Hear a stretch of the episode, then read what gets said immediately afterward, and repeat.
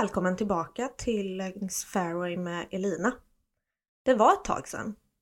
Ehm, det här avsnittet kommer vara lite speciellt då jag tyvärr inte har någon gäst idag.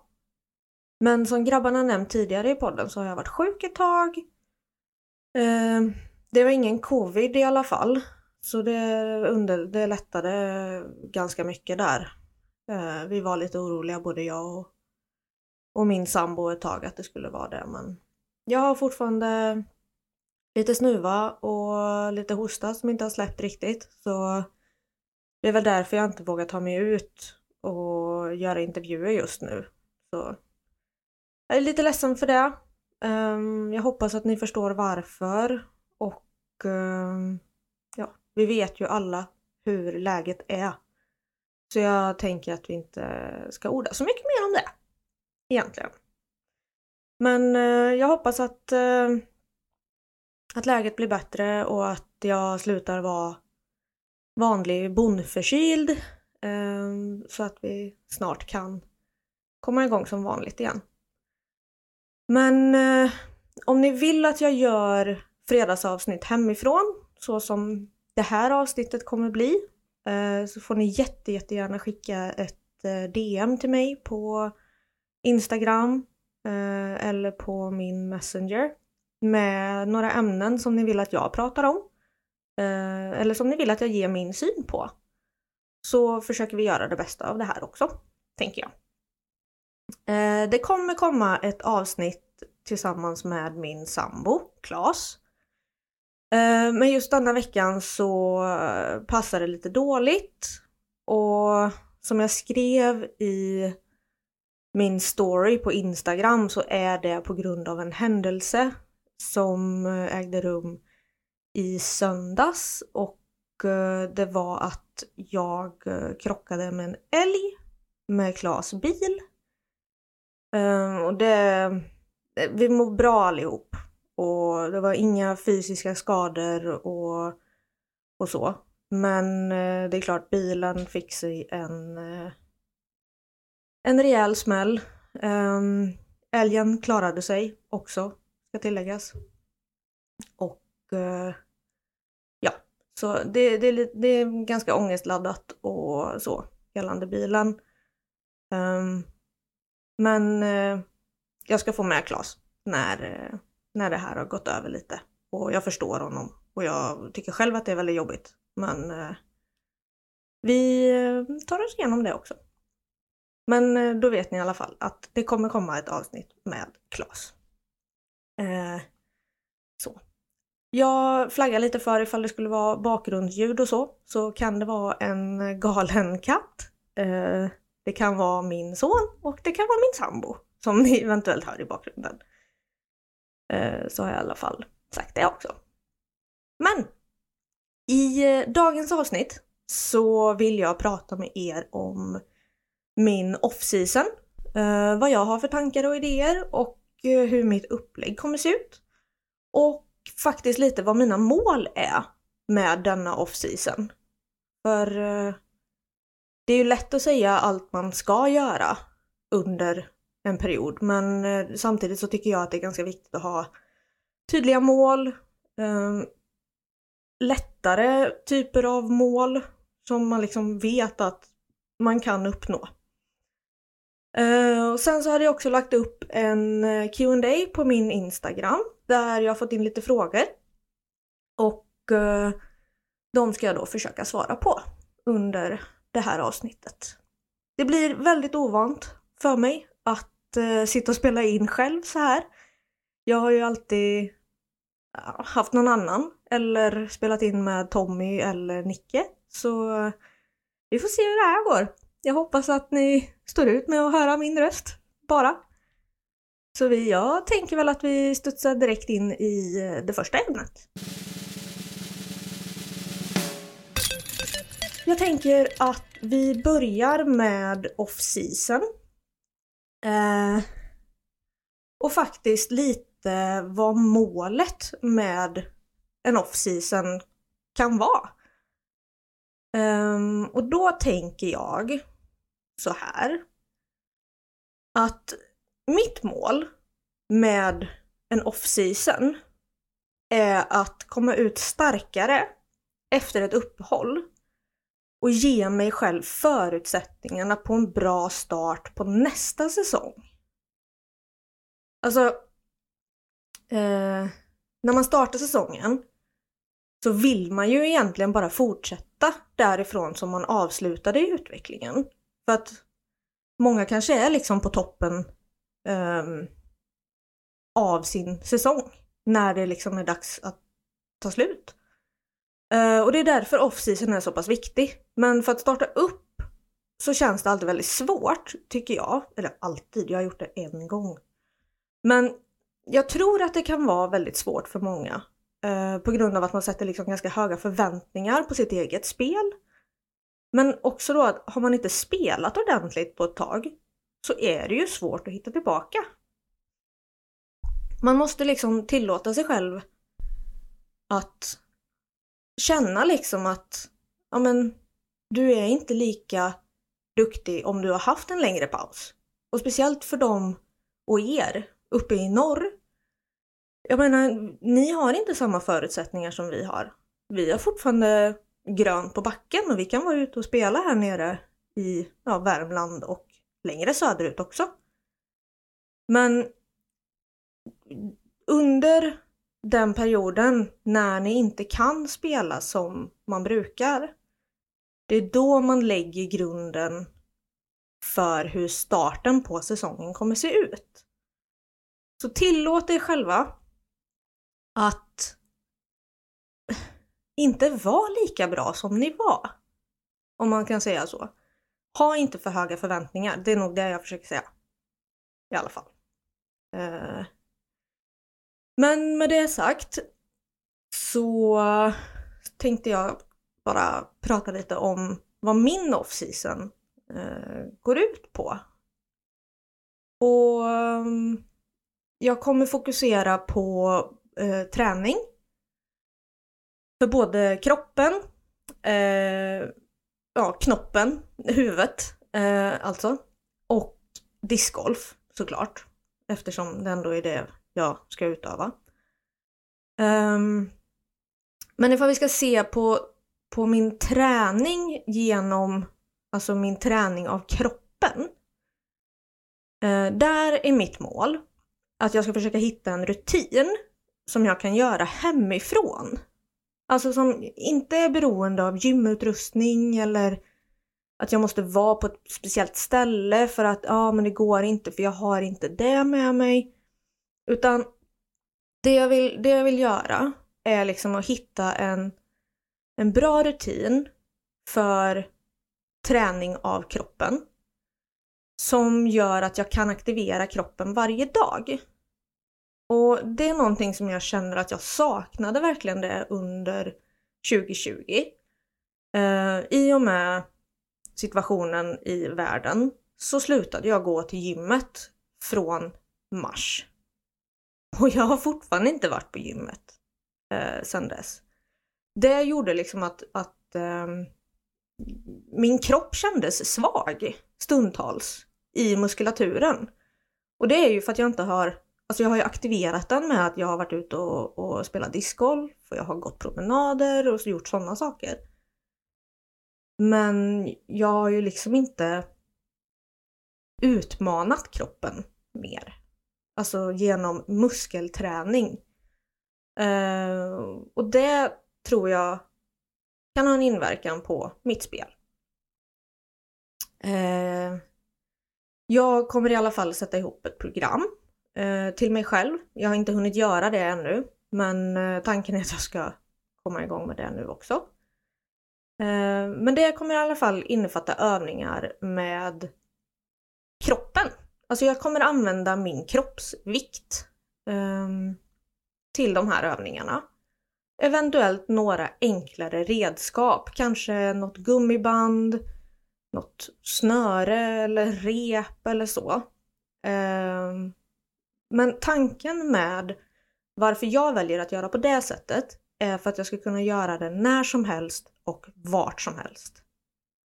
Och det tror jag är det viktigaste för mig. För jag har väldigt dålig självdisciplin när det kommer till eh, gymträning och sånt. Um, det andra som jag ska fokusera på, det är det mentala. Jag eh, vill försöka träna eh, min hjärna att tänka på ett annat sätt. Och mentalt sett så var SM uppe i Umeå en jätte, jättestor erfarenhet och tack vare Nicke eh, så eh, hjälpte han mig jättemycket. Han coachade mig eh, efter rundorna för att jag hade så svårt och tackla allt det som hände under SM. Eh, I och med att jag inte presterade så som jag själv trodde att jag skulle göra. Eh, så efter rundorna så satt vi hemma hos Nicke vid köksbordet och han eh, pratade ner mig kan man väl säga. Alltså det, det var skittungt att sitta där och, och ta på ett sätt ganska hårda hårda ord, men inte på det sättet liksom. Men alltså, han var väldigt rak och väldigt ärlig och fick mig att tänka på ett sätt som jag var tvungen att lära mig att tänka på. Uh, och det är nog faktiskt något av det viktigaste som jag lärde mig under hela året. Um, och en sak uh, som han sa, som jag kan dela med mig till, till er andra av, det är att uh, du kan inte spela om föregående hål. Du kan bara fortsätta framåt. Och det var liksom också att, att eh, jag skulle acceptera. Jag skulle spela utifrån förutsättningarna jag hade och acceptera det. Och det var just det här med acceptansen som gjorde att sista rundan var min bästa runda tror jag. Eh, under hela SM-helgen. Och då var det liksom att, ja men när jag går upp på 10, vad, vad är möjligt för mig på det här hålet? Ja, men jag, jag, jag kan göra en birdie. Målet är att göra en birdie. Men ifall jag gör ett dåligt utkast, då ska inte jag tänka att jag fortfarande har chans på en birdie, utan då måste jag tänka okej, okay, kan jag rädda par härifrån? Ja, då är det det jag ska spela på. Men ligger jag jätte, jättedåligt så att till och med kanske paret är ute ur bilden, då måste jag tänka, kan jag göra en boogie härifrån? Och anser jag att ja, en boogie, det ska jag klara. Då måste jag acceptera det. Att jag spelar för en boogie nu. Birdien, ja det är tråkigt. Den är borta. Paret, ja knappast möjligt. Men ni måste, ni säger jag, jag lärde mig att acceptera det. Och det var tack vare den coachingen som jag fick. Och jag delar med den till er. Eh, och så hoppas jag att ni kan ta det på rätt sätt, så som jag gjorde. Och jag hoppas att eh, det kan hjälpa er att komma vidare framåt också. Men eh, discgolfen då? För det är ju ändå det jag ska utöva. Um, och där kommer jag nog lägga upp ganska mycket utifrån hur jag spelar uh, eller hur jag gör min träning under säsongen också. Uh, det kommer vara mycket puttning. För det är lätt att göra uh, även om det är kallt ute. Jag kommer träna inspel och jag kommer träna på eh, fält med driving och, och teknik och så. Eh, det, det är väl det som jag kommer lägga fokus på helt enkelt och det är ju inte jättekonstigt. Eh, oktober och november var eh, ett par månader som jag har tagit en paus. Lite av naturliga skäl i och med att vi har flyttat och så. Men också för att jag behövde en paus. Jag tyckte att det var jobbigt att ta mig ut i banan och, och jag hade liksom inte det här suget när man vaknar en lördag morgon och, och kände liksom att yes, idag ska jag upp till banan och jag ska träna lite och jag ska gå en runda som belöning. Utan jag behövde en paus helt enkelt. Och jag tror att en paus kan vara väldigt värdefullt för en spel. För att liksom om man har kommit in och arbetat sig in i liksom ett speciellt mönster så kan det vara väldigt svårt att komma ur det om man bara kör på. Eh, så jag tror verkligen att en paus är värdefullt för att liksom men, bryta mönster och skapa nya vanor. Eh, för jag tror att det är svårt att göra annars. Men eh, ja, jag kommer att bryta ner spelet och träningarna till specifika eh, träningar där och då. Och jag kommer nog att fokusera på en bit i taget. Så att puttningen, ja den ser jag lite som någonting jag kommer göra varje dag. Eller ja, kanske inte varje dag, men det är någonting jag kommer fortsätta att göra hemma mycket. I och med att jag har den möjligheten. Men då kanske jag väljer, ifall jag ska träna på helgen, så kanske jag väljer att den här helgen ska jag bara fokusera på mina inspel. Eh, och kanske göra det två helger i rad. Och, och sen då ytterligare två helger efter det, ja men nu ska jag ta tag i min teknik. eh, och stå och kasta fält under en längre tid. Men jag tror att just när det kommer till puttningen eh, så kommer det viktigaste för mig vara att eh, hitta en positiv inställning till puttningen. Eh, och en rutin som jag kan följa. Alltså en bra rutin som jag kan göra varje gång. Eh, för just nu så känner jag att, ja men, jag, jag vet ju hur jag ska göra. Men jag måste lära mig att göra samma sak varje gång. Eh, där så tror jag också då att mängdträningen eh, är väldigt viktig för att hålla uppe muskelminnet. Så därför kommer jag att, att köra mycket puttning hemma på typ 5 meter. Eh, för det kan jag göra på, på eh, altanen. Eh, jag kommer faktiskt träna på både straddleputtning och uh, uh, staggered stance. Uh, ursäkta. Fortfarande lite sjuk, men det går bra. Uh, jo, jag kommer träna både straddle och stagger Eh, för att jag vill ha båda stansen i kroppen. För jag bytte till straddleput, eller jag började att träna mycket straddleput mitt i sommaren. Och kände att det eh, hade en väldigt positiv inverkan eh, på mitt spel. För att det gjorde liksom inte, skulle jag stå bakom ett träd och putta så var inte det oh my god, det här kommer inte gå. Utan jag kände mig ändå ganska komfortabel i att ja, men jag har en straddleput jag kan använda. Så därför tror jag att båda eh, är viktigt. Och om jag ställer upp mig för en putt så kommer jag naturligt ställa mig i stagger. Och därför så känner jag att eh, det är viktigt för mig att eh, ha det, båda.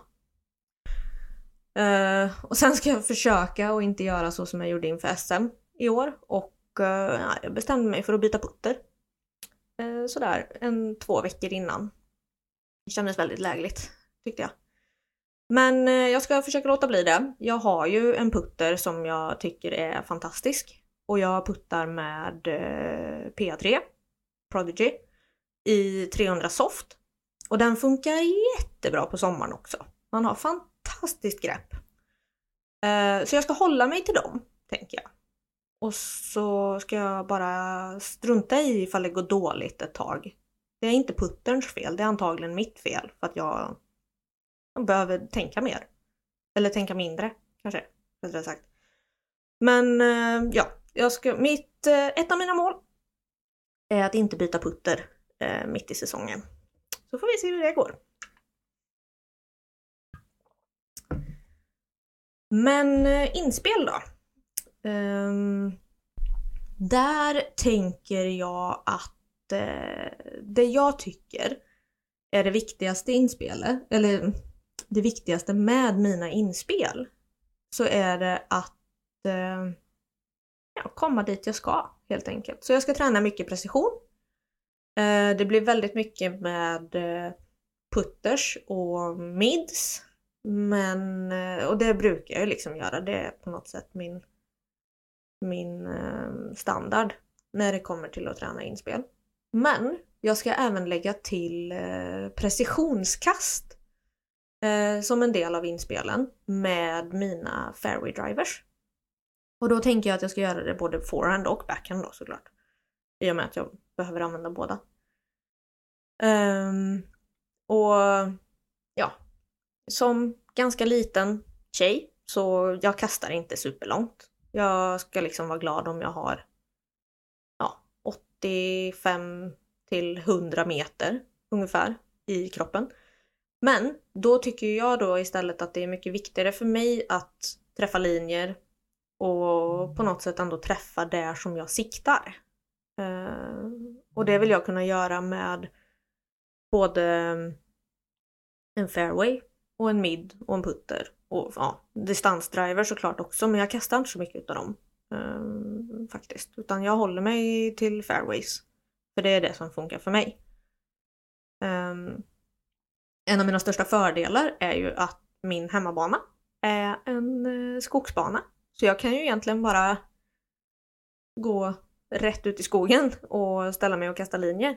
För att eh, det är ju angeläget i en skog. Um, och uh, när jag kommer till då att uh, träna på uh, driving ranchen så um, kommer jag lägga ganska mycket fokus nu på att hitta en effektiv teknik. Och jag känner inte riktigt att jag har kommit dit i mitt backhandkastande ännu. Målet för förra säsongen var ju liksom att jag skulle kunna kasta backhand egentligen. Eller denna säsongen som har varit. Eh, då var liksom ett av mina mål uppsatta var att jag skulle börja lära mig kasta backhand från tee. Och det tycker jag ju att jag har gjort. Men nu vill jag ju på något sätt finjustera eh, och få en bra teknik. Drömmen hade ju liksom varit att typ ja, kunna ha en liknande teknik till typ Robin Willman eller något sånt där. För det är en person som jag ser verkligen upp till just när det kommer till eh, teknik och det tror jag många gör. Um, och kunna liksom få ut explosiviteten i kasten och sådär. Um, så jag, jag kommer filma mycket. Jag kommer känna på lite olika diskar för att se liksom exakt vad det är jag uh, kastar bäst. Jag ska ge mig lite, lite tid och lära känna mina hybriddrivers. Och eh, så får vi liksom se vart det slutar. Egentligen. Uh, Off-season är ju liksom den där tiden som man verkligen kan experimentera lite med Ja men får man hitta någon ny mold eller man känner att okej okay, men jag har de här två i vägen men jag känner att de är varken i eller ur. Utan ja, man kanske har med dem, men hur ofta kastar man just den disken?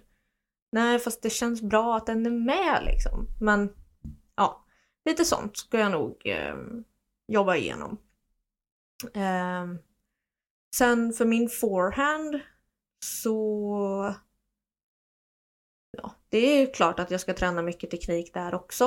Eh, men den känner jag är lite bättre än eh, vad min backhandteknik är. Däremot så ska jag faktiskt eh, utmana mig själv och börja lära mig att kasta understabila diskar och även eh, lite mer neutrala diskar. För jag har en tendens att dra lite mer åt det stabila hållet. eh, när det kommer till eh, mina distance, eller mina forehanddiskar. Det hade varit lite kul att lära sig att och liksom ja, forma lite med olika typer av diskar också och inte bara kunna kasta ja, heiserflip med en stabil disk eller flexa en stabil disk utan faktiskt kunna kanske till och med trycka på en understabilare F5 eller sådär och få de här fina flip-up som glider och turnar. Till exempel. Men det är väl något mål i alla fall. Eh, och just att hitta tajmingen tror jag kommer vara en av de största utmaningarna. Faktiskt. Sen så är ju inte allt man gör eh, fel heller. Så jag ska försöka att ta vara på det som jag själv tycker att jag gör bra. Och försöka att ja, slipa ännu mer på det. Men man måste också tänka på det att allt man gör är inte dåligt. Eh, nödvändigtvis. Utan man gör säkert bra saker. Men det är andra saker man kan göra ännu bättre. Så kom ihåg att var inte för hård mot dig själva. Utan du gör någonting bra. Och det är att du spelar. Och förhoppningsvis att du tycker att det är kul. Um, och det hoppas jag att, att ni fortsätter att göra och jag tycker också att den här sporten är helt fantastiskt rolig. Och just det att man kan utmana sig själv till att hela tiden bli bättre. Det är någonting som, eh, som ja, vad ska man säga, triggar mig på ett positivt sätt. Att eh, vilja utvecklas och försöka ge mig själv förutsättningarna att utvecklas. Men där tycker jag att eh, jag har betat av lite off-season. Och jag hoppas att ni står ut och lyssnar på mitt rabbel eh, när jag bara sitter och nöter på. Um, det här är en fantastisk eh, upplevelse att lära sig att sitta och prata med sig själv så här länge. Men Niklas skrattade åt mig när jag sa att jag hade en spegel på skrivbordet för han bara En spegel? Vad har du den till? Jag bara, ja men det känns inte lika ensamt. Jag sitter ju och pratar med mig själv och jag kan ju titta på mig själv. I alla fall. Så min lilla spegel här hjälper ganska mycket. Eh, ni som såg min story inför att jag skulle spela in det här, ni förstår vad jag menar. Gör ni inte det så kanske den ligger kvar när ni lyssnar på det här. Men eh, jag tänker att eh, vi ska studsa in lite i eh, frågorna som ni skickade till mig på Instagram. Och först och främst så vill jag bara säga supertack! Det är flera av er som har skickat in frågor och det är jättebra frågor och ja, vissa av er har skickat in flera stycken och det är helt fantastiskt. Jag jag var lite skeptisk till att jag skulle göra en eh, frågepodd. För att eh, jag har ingen aning ifall ni skulle uppskatta det. Men eh, uppenbarligen så, så är ni ju några som är lite nyfikna. Um, så jättetack för det. Och jag hoppas verkligen att jag kan svara på frågorna på ett sätt som ni tycker det är okej. Okay. Men eh, vi kör igång. Och eh, snabbast på gröten? Nej. Ja, i alla fall. Eh, först med frågor var faktiskt eh, Tommy. Så jag tänker att vi börjar där. Det kan ju vara passande. Eh, och eh, han har skickat tre frågor. Men jag tar dem en och en här och försöker svara på dem eh, efter varann. Helt enkelt. Och eh, Tommy undrar Hur hittar du det driv du har? Eh, och det är ju tur att jag har fått förbereda mig lite på de här. För annars hade det varit svårt. Eh, jag tror att eh, mitt driv Ehm, för discgolf och för min egen utveckling eh, tror jag kommer av att jag är en tävlingsmänniska.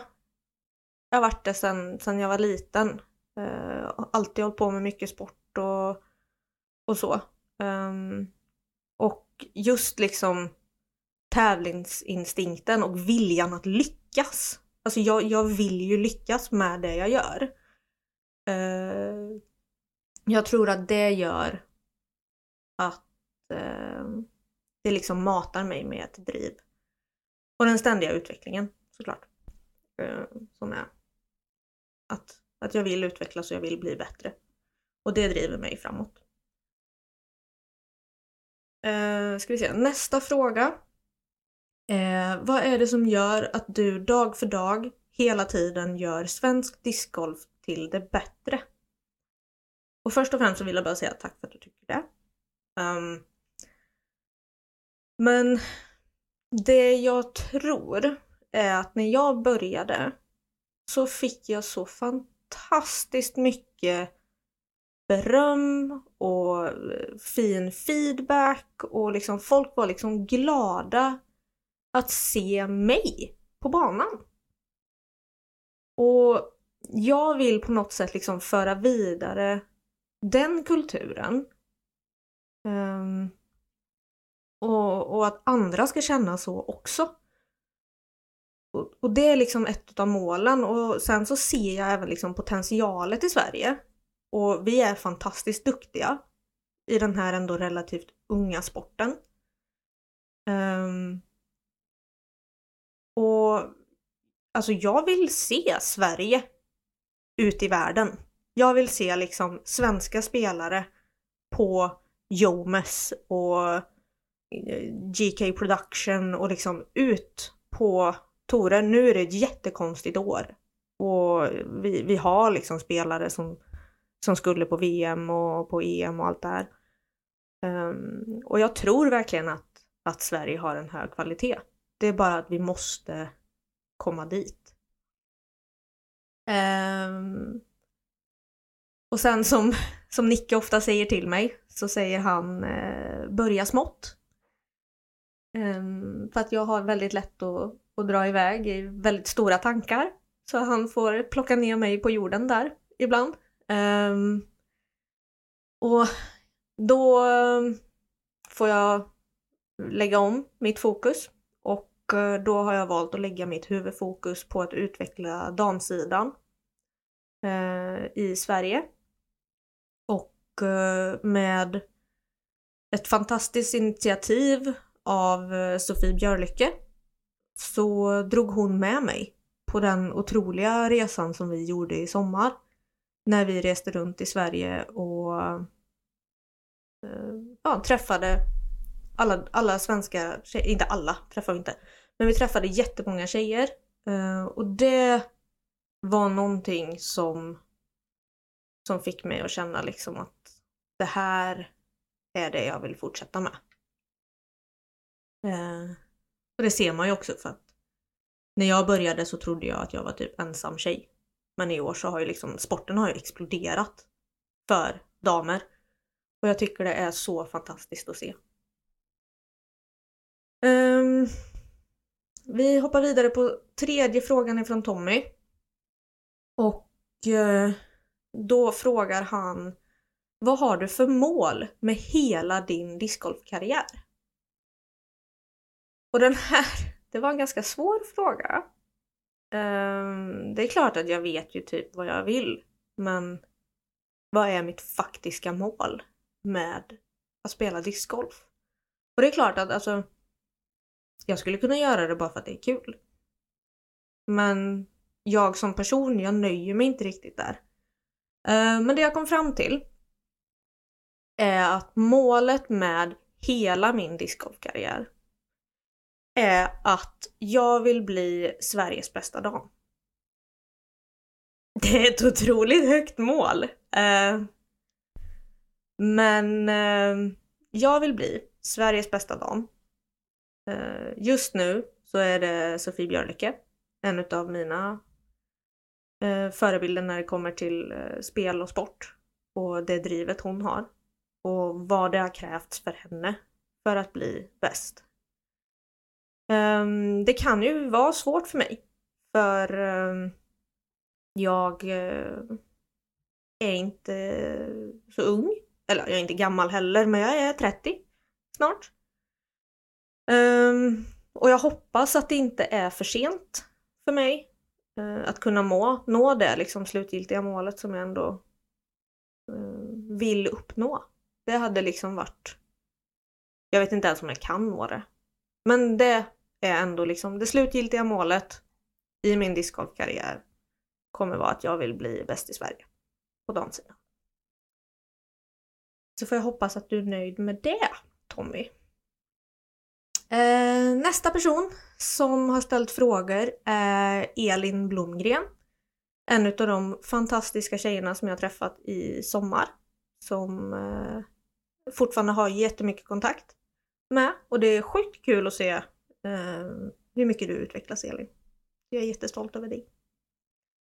Eh, Elin undrar Vad tycker du är rimliga mål som nybörjare? Att gå 18 hål på par är ju bra, men delmålen dit och har du några tips på det? Och alltså, att gå 18 hål på par, ja, det, det är ett rimligt mål. Alltså så här, jag tycker det är ett jättebra mål. Jag har gått minus två på min hemmabana och det gjorde jag i våras. Det har liksom aldrig hänt efter det heller. Eh, och det är sällan jag går runder på par. Eh, så absolut, har man det som mål så är det ett jätte, jättebra mål eh, att sikta på. Men eh, delmålen dit så skulle jag säga att eh, man inte ska vara för hård mot sig själv i början. Ehm, går du på typ ett kast eller fler kast bättre än vad du gjorde din föregående runda, så se det som en vinst. Alltså se det som ett delmål i att jag vill vara bättre än det jag var igår. Eh, mitt andra eh, tips är att börja tävla. Eh, tävling utvecklar, alltså jag började, ursäkta, jag började tävla efter typ tre veckor. Och jag tror att det hade en, en jättepositiv inverkan på hur jag utvecklades som spelare. Och jag tror att det kan hjälpa andra också. Um, men sen också det här att målet med att tävla när man är nybörjare. Det är inte att du ska gå dit och vara missnöjd med ja men det var en dålig runda eller jag missade de puttarna eller så och så. Alltså mitt mål på mina tävlingar var typ, ja men jag vill inte komma sist.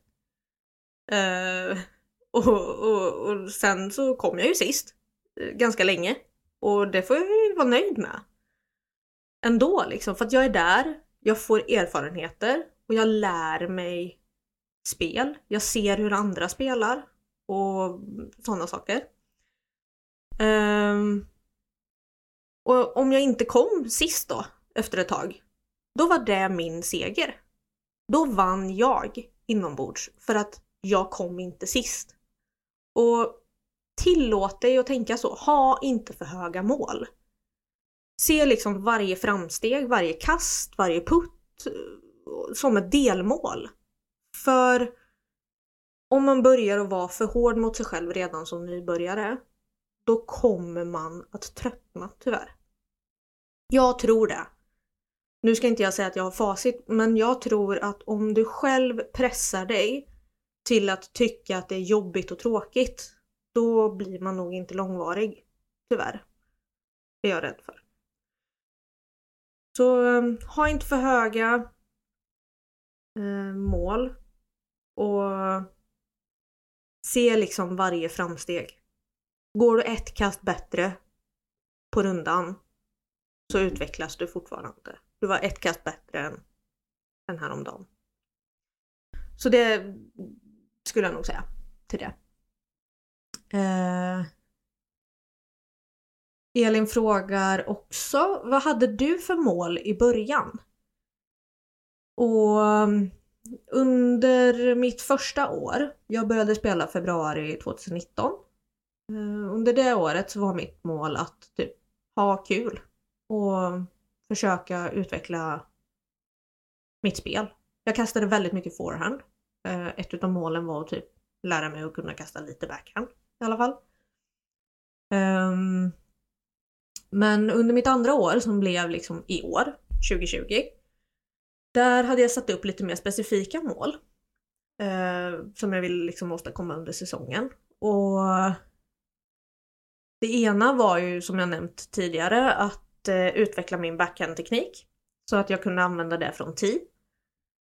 Um, ehm, mitt andra mål var att jag skulle nå 800 i rating.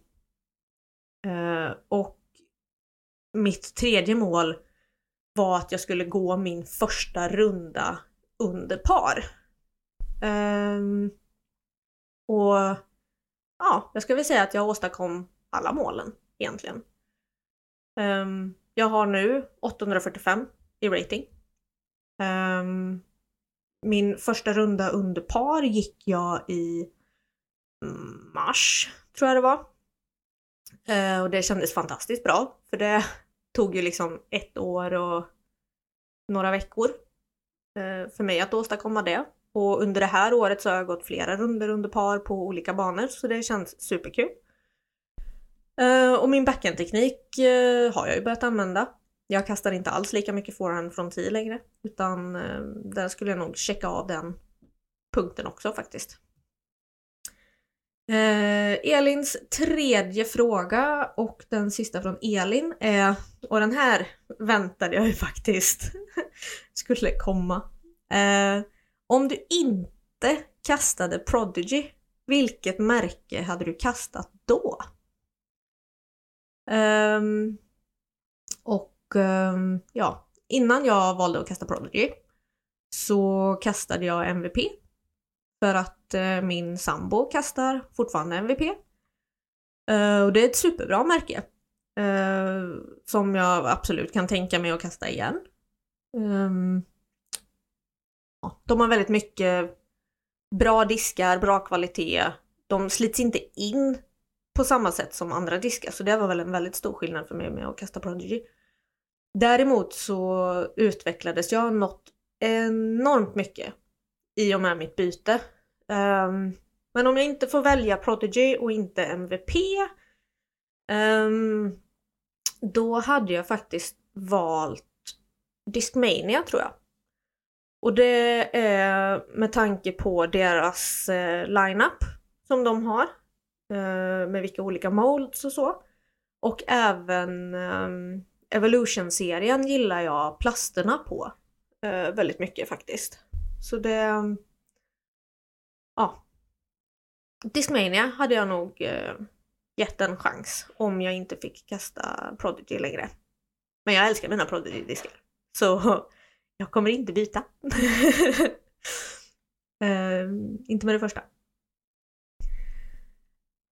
Eh, ska vi se. Nästa person som har en fråga är Leo Holmberg och um, han undrar uh, Har du någon förberedningsrutin eller ritual inför en tävling? Uh, och det här är lite roligt för att de flesta har ju det. Eller de flesta, jag har ingen aning. Jag har det i alla fall. Jag tycker att det är lite mysigt så här, kvällen innan och se så att allt är i sin ordning. Eh, och det jag brukar göra då är att jag städar bagen. Eh, jag plockar ut alla diskar. Jag eh, går igenom vilka diskar jag ska ha med mig. Är det någonting jag behöver byta ut? Och så. Eh, och så torkar jag av dem och så sätter jag in alla diskar på sin plats.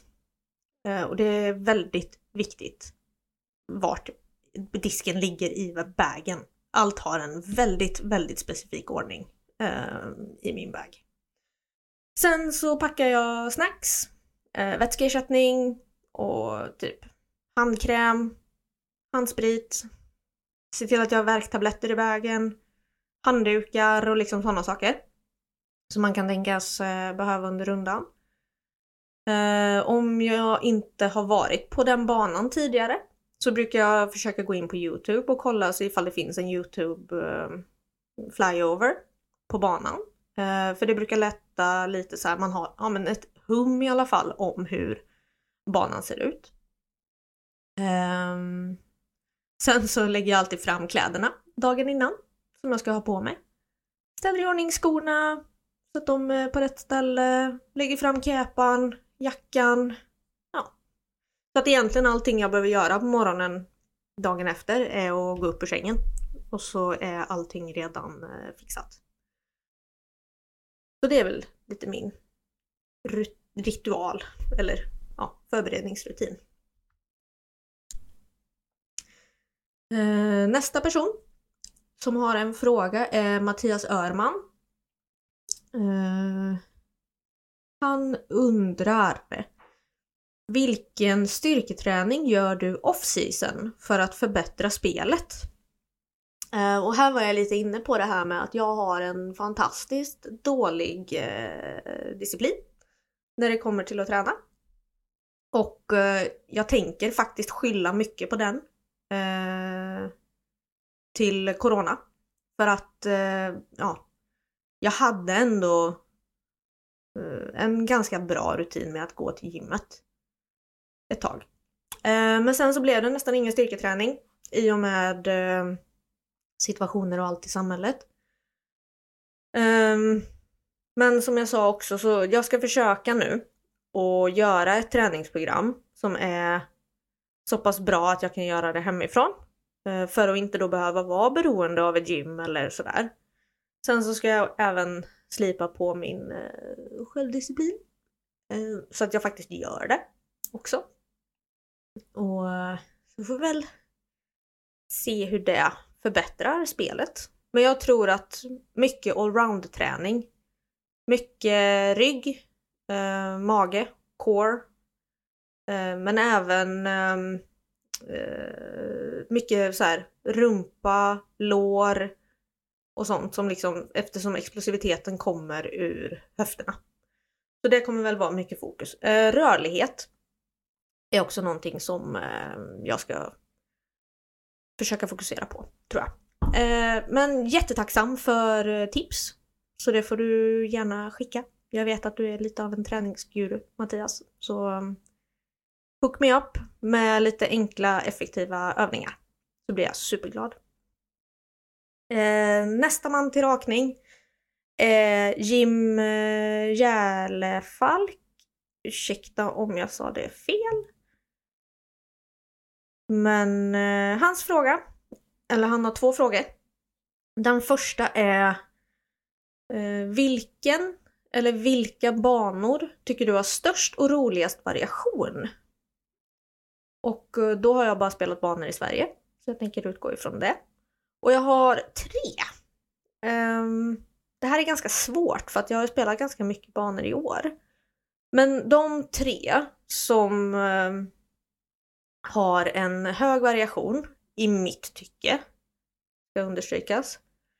Eh, Ymer i Borås, det är en av mina absoluta favoritbanor. Alltså när jag får åka till Ymer, då är jag som ett barn på julafton. Jag tycker den banan är så fruktansvärt rolig att spela. Eh, och där är väldigt mycket variation med liksom parkhål, skogshål, höjdskillnader. Eh, ja, allt egentligen. Så. Eh, sen så har vi även eh, Brickeberg i Örebro.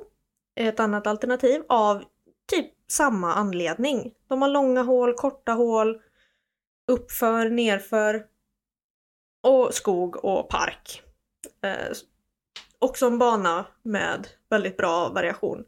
Och även eh, olika tidplaceringar. Så de har ju främre mittre och bakre ti. Eh, och det gör det ju också väldigt angeläget. Eh, och den tredje där är en bana som jag spelade i somras och som hamnar väldigt högt upp på min topp 10-lista över mina favoritbanor. Och det är Alviken i Västervik. Eh, har ni inte spelat den så gör det. Det är en fantastisk bana och jag hade möjligheten att få spela den på par-SM eh, tillsammans med Matilda Ringbom. Och det är en superfin bana. Det finns liksom öppna hål och skogshål, samma som de andra. Eh, och även liksom utmanande med OB-linjer, eh, ja vad ska jag säga, naturligt OB också för det finns mycket ställen man inte vill ligga på. Um, och en väldigt, väldigt fin och rolig bana så den tycker jag absolut att ska vara med på de här tre. Eh, Jim har en fråga till. Och eh, det är hur många meter från korgen där du borde kunna sätta putten men ändå på grund av nerverna kan missa. Och där skulle jag nog säga att eh, ja, någonstans 5-6 meter anser jag själv att jag borde sätta alla puttar. Um, det tycker väl alla kanske. Men det är nog ganska ofta jag missar 6 meters puttar. Antingen för att jag är nervös eller för att jag inte tillåter mig själv att ta tiden på att fokusera och faktiskt lägga den på, på rätt ställe. Ehm, så 5-6 meter ungefär skulle jag nog svara på det. Eh, ska vi se, vi har tre frågor kvar. Vi börjar med en fråga från Kalle Bäckman och den här är faktiskt ganska rolig. Eh, han undrar, vilken inställning är bäst? 1. Att alltid riskminimera. Eller 2. Ingen minns en fegis. Och det här är väldigt roligt. Det är en väldigt, väldigt rolig fråga. Um, för ingen minns en fegis, eller? Nej. Eh, jag skulle säga att det mycket beror på vilket sammanhang det är. Är det tävling så är det definitivt ett. Eh, minimera alla risker. Jag tar hellre en layup än en dubbelbogey. Så kan vi säga. Eh, men är det casual eller träning så är det två alla dagar i veckan. Ingen minns en fegis och man lär sig inget ifall man inte utmanar sig själv. Eh, typ så. Mm, bra fråga Kalle. Eh, ska vi se, min goda vän Albin Hagström. Nu leker katten med någonting här uppe. Ja. Eh, Albin undrar, vad är målen för dig nästa säsong? Och jag hade faktiskt inte börjat fundera på dem före Albin skrev den här frågan faktiskt. Men eh, ett av mina mål är att jag ska vinna över dig i eh, amatörtouren. Nu är du utmanad, ser dig själv utmanad. Även ifall det blir räck så ska jag vinna över dig. Eh, nej, skämt åsido. Jo, det ska jag faktiskt. Men eh, eh, några mål då, om säsongen blir som den ska, ska tilläggas, eh, är att jag vill spela nationella touren. Ehm, förhoppningsvis alla fyra deltävlingar. Sen vill jag även eh, ha ett ratingmål. Och det lägger jag faktiskt på 880. Jag vill eh, komma över 880 i rating. Eh, det är ett jättehögt satt mål men eh, jag har mjäkat lite tidigare så nu tänker jag att 880 är inte omöjligt. Jag måste ju först då komma upp i mitt nuvarande som är 850 men det är fem ratingpoäng kvar. Ehm, så ja, jag tror vi byter det till 880 nu. Ehm, och sen så vill jag placera bättre än det jag gjorde på SM i år. Ehm, så jag ska komma bättre än sjua på SM 2021. Något annat mål jag har är väl att jag skulle vilja göra en tävling utomlands. Typ Finland eller något sånt. Eh, och målet på min hemmabana blir att gå en eh, minus 3-runda. Just nu är mitt personbästa på hemmabanan minus 2. Eh, så det vill jag försöka ta. Ska vi se då. Sista frågan kommer från poddens trogna lyssnare Anders Ankan Kristiansson. Och um, han eh, frågar vilken del av ditt spel kommer du förbättra mest nu i off-season? Eh, som jag nämnde lite tidigare så ska jag ju slipa på tekniken.